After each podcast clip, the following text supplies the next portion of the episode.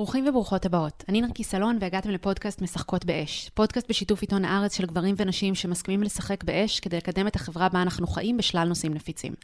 בפרק הזה, דרך בחינת השפעות קמפיין מיטו, נבחן את היכולת שלנו לייצר שינוי אמיתי באמצעות האינטרנט, דבר קריטי בימים אלו, ונתבונן במצבן התעסוקתי של נשים בתקופת הקורונה, שבמקרים רבים הזכויות הבסיסיות שלהן מתבטלות כלא היו, ועם כל ההבנה שקיימת כלפי בעלי העסקים בעת משבר כלכלי, אם לא נתחיל לפקוח את העיניים שלנו עכשיו, אנחנו עשויות למצוא את עצמנו בנקודת אל-חזור. נעבור לפתיח ונתחיל.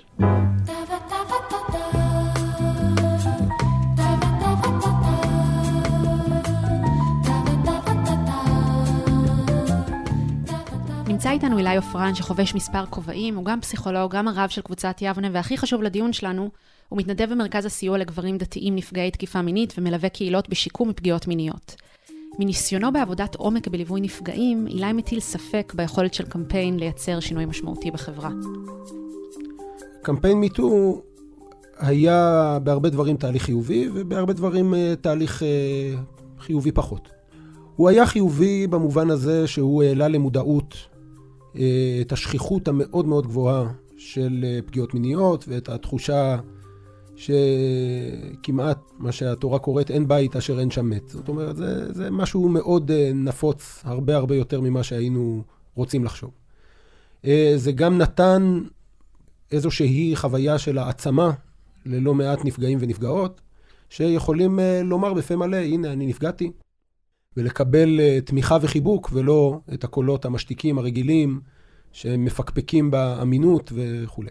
ובצד התיקון הגדול הזה, יש לא מעט גם צללים שצריך לקחת בחשבון. Uh, הדבר הראשון הוא שחשיפה של חוויה של פגיעה, לאו דווקא של פגיעה מינית, אבל בוודאי של פגיעה מינית, זה תהליך עם אדוות והשלכות. דבר ראשון, על החושף עצמו. Uh, זה דורש uh, משאבים רגשיים, זה דורש הרבה פעמים ליווי מקצועי, זה דורש מעגלי תמיכה משמעותיים. לא תמיד, לפני שאדם אוזר אומץ וכותב אה, פוסט בפייסבוק שבו הוא פורס את חוויית הפגיעה שלו, לפני כן הוא וידא באמת שיש לו את המשאבים האלה, הנפשיים, הרגשיים, הסבלנות, הכוח, התמיכה, הטיפול. ולפעמים יש בזה אלמנט של אה, נפרץ הסכר, אבל אין עכשיו מי שיעמוד להכיל את זה. ואנחנו פוגשים בשדה של הטיפול והסיוע בנפגעי אלימות מינית, שלפעמים הפריצה של הסוד, יש בה הקלה גדולה. אבל בפריצת הסוד יש גם אלמנט של אובדן שליטה. כי אחת הסיבות שבגללה אנשים שומרים פגיעות מיניות בסוד, זה כי זה מייצר איזושהי חוויה של שליטה בסיטואציה כל כך חסרת שליטה. אני לא שלטתי במה שעשו לי, ואני לא שלטתי במה שעברתי, ואני לא שלטתי במה שחוויתי, לפחות אני אשלט במי יודע מזה. ובנרטיב. ובנרטיב, כמובן. ולכתוב משהו ברשת, זה אובדן שליטה גמור. לחלק מהנפגעים והנפגעות זה נכון, וחלק לא. ואני לא בטוח שבתוך ים של כותבים, שאתה נכנס לפייסבוק ורואה עשרה חברים שלך שכתבו, ורואה את התגובות החמות והמלבבות שהם מקבלים, ואתה אומר, יאללה, גם אני. וצריך לזכור שהחיבוק והאהבה, בטח ברשת חברתית, יש להם uh, זמן חיים קצר מאוד. וההתמודדויות עם חוויית הפגיעה נמשכת עוד הרבה אחר כך. אני חושבת שהדבר הכי מעניין באמת מהניסיון שלך זה מה קורה ביום שאחרי מבחינת שיקום. אני מאמין הרבה יותר בתהליך, ה... בתהליך האיטי המתון מאשר במהפכות הגדולות. יש אה, מחלוקת של אריק איינשטיין עם עצמו. האם uh, אני ואתה נשנה את העולם, או טיפה ועוד טיפה תהיינה לים. ואני הרבה יותר מהמפלגה השנייה. ואני קצת חושש, מה... יש לי רתיעה אינסטינקטיבית מקמפיינים בומבסטיים. שהם כל כך טוטאליים ומוחלטים, וזהו. ומי שעמד פעם במפל חצצון וראה את השיטפון האדיר בגובה 200 מטר יורד לים המלח, ואתה אומר, וואו, כמה מים. ומה נשאר מזה אחר כך? לא, זרם לים. אני בעיקר רוצה להגיד, אסור לטעות ולחשוב שתיקון העולם מתחיל ונגמר בפוסטים בפייסבוק. זה נורא קל. אני כותב הרבה בפייסבוק, יש לי הרבה עוקבים, וזה מוכר אשליה גדולה, שאתה חושב שאם כתבת ואלף איש עשו לך לייק... הוצאת את הצדק. זהו. כן. עכשיו העולם מתוקן, אפשר לאכול צהריים. למדנו משלום חנוך שמה שבא בקלות באותה הקלות ייעלם. יש חשיבות לרשתות חברתיות ככיכר העיר, אבל תהליכי עומק לא קורים ככה. בטח לא קורים רק ככה. קמפיין מיטו הוא תהליך מאוד חשוב, מאוד חיובי, עם מחירים מאוד קשים.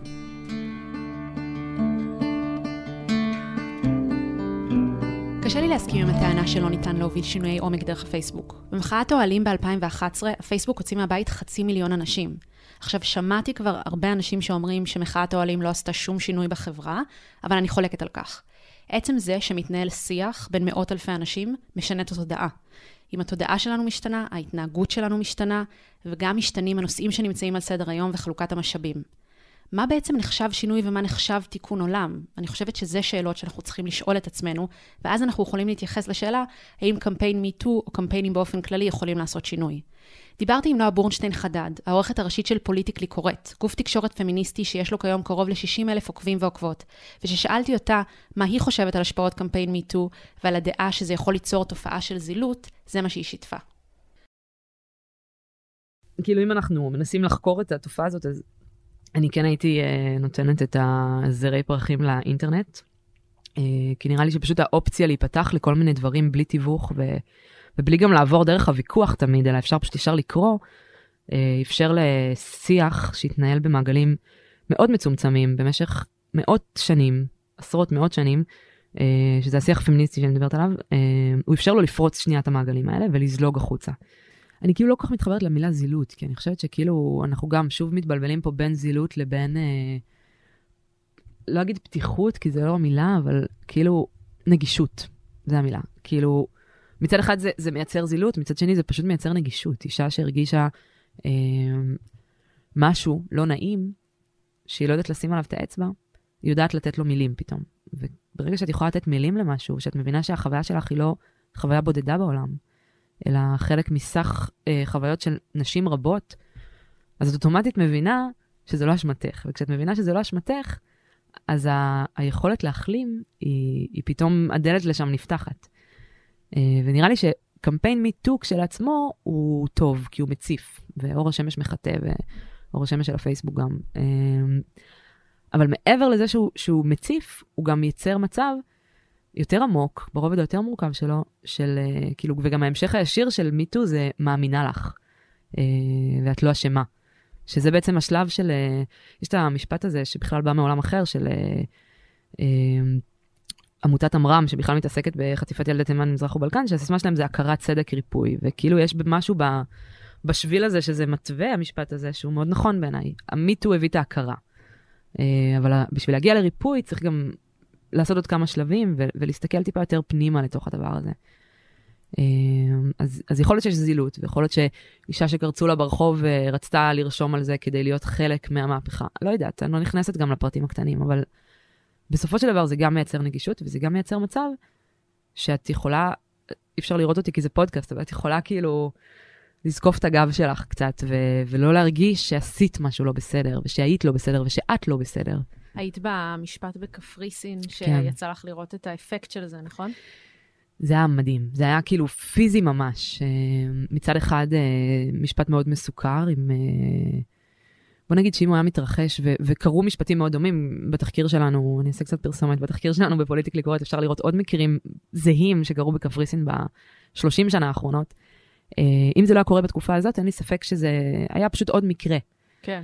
אבל בגלל שזה היה בתקופה הזאת, אז הבחורה הבריטית היא בעצם היא זכתה ואנחנו זכינו לראות באמת את האפקט האינדיבידואלי של הדבר הזה, מעבר לאפקט החברתי ולשינוי החברתי. אז גם... את יכולה לספר קצת מה ראית? כן, אז uh, היינו, היינו בעצם uh, יומיים שם, וביום השני היינו בבית המשפט בבוקר, אני הייתי באולם בית משפט כדי לסקר את המשפט עצמו. Uh, עכשיו, כשנכנס השופט, סגרו את החלונות, השוטרים של האולם, השומרים, סגרו את החלונות, כי בחוץ היו הרבה מאוד מפגינות בריטיות, ישראליות וקפריסאיות. אה, ואחת השוטרות בחטף ובסודיות כזה פתחה לה צוהר קטן בחלון, לבחורה הבריטית, שזה גם היה מעשה ממש ממש אה, לא מובן מאליו. ושמעו, כל הזמן שמעו בחוץ קריאות אה, באנגלית של We Believe You, בלי סוף. וממש תוך כדי שהשופט מקריא את גזר הדין ב- ביוונית, כאילו, ו- ותוך כדי שהוא כזה נורא כזה כועס ורשמי והכל כזה נורא, כאילו סליחה על זה, אבל נורא פטריארכלי כזה ב- במהות, אז, אז תוך כדי היה כאילו את הקריאות האלה מבחוץ, ואפשר היה לראות את הבחורה הזאת שהייתה באמת, אה, עברה חצי שנה מאוד מאוד קשה, גם זה ניכר עליה, על הגוף שלה, על ה... אה, אני ממש הרגשתי שהיא עלה נידף ברוח כזה, כאילו מאוד אה, חיבקה את עצמה כזה, החזיקה את עצמה, ופתאום כל קריאה וכל קריאה היא כאילו התרוממה, וראית את ה... ראית. לא אגיד זוהרת, כי היא לא, היא לא הייתה שמחה, אבל היא כאילו הייתה פחות שפופה. אמ, ואז את כאילו אומרת לעצמך, אוקיי, מי טו וכל הסיפור הזה של הפמיניזם הוא, הוא מהמם בעיניי באופן חברתי, אבל מעבר למהמם באופן חברתי זה לראות כאילו אישה אחת, נפש אחת, ש... אני לא יודעת אם, אם היא תצליח להשתקם מהאונס, אם תצליח להשתקם מהחצי שנה בקפריסין, אבל אני יודעת שבוודאות הדבר הזה אה, יעזור לה בתהליך ההחלמה. לדעת שמאמינים לה, מאמינות לה, מאמינים לה, והיא לא אשמה.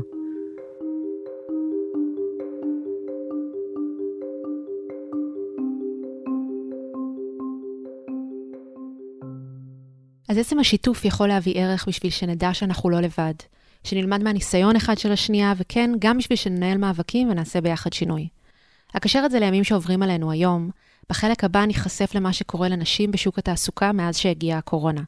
בגלל שכמו בקמפיין MeToo, חשוב שכל הנשים שהזכויות שלהן נפגעות בימים אלו, ידעו שהן לא לבד ושיש להן לאן לפנות.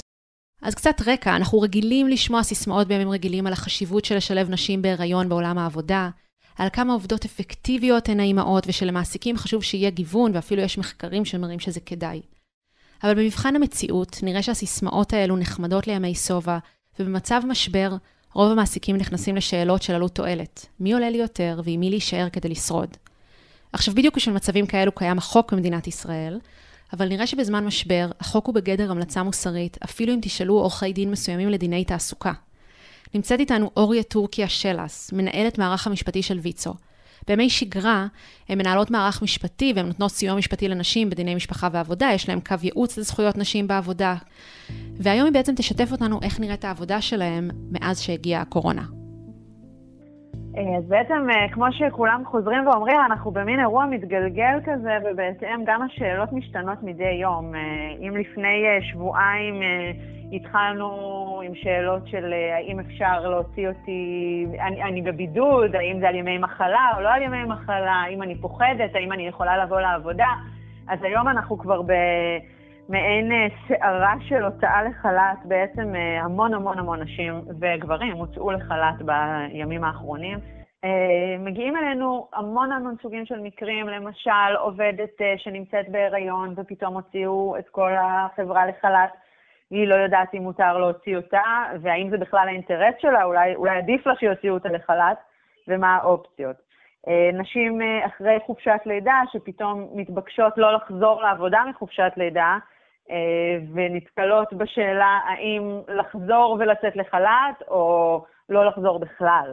בשגרה זה חוקי בכלל לבקש מאישה שילדה לא לחזור אחרי חופשת לידה? בשגרה זה לא חוקי. אז למה הם חושבים שבזמן משבר זה בסדר? אז חשוב להסביר פה, אנחנו באמת נמצאים באירוע שהוא חסר תקדים מבחינת כל, כל החקיקה וגם חקיקת העבודה. מעסיקים ביום-יום מתבקשים, נדרשים, לעמוד בחוקי העבודה ולא לפגוע באוכלוסיות מוגנות, כמו נשים בהיריון למשל. אבל אנחנו נמצאים במין סיטואציה שמעסיק אומר, אוקיי, אבל אם אני, אני, אני אסגור, אם אני לא אוכל להוציא את כולם לחל"ת. והצדדים הרבה פעמים מנסים להגיע להסכמות שלא קשורות לחוק, כדי להגן גם על המעסיק וגם על העובדים שלו ולשמר את מקום העבודה לעתיד.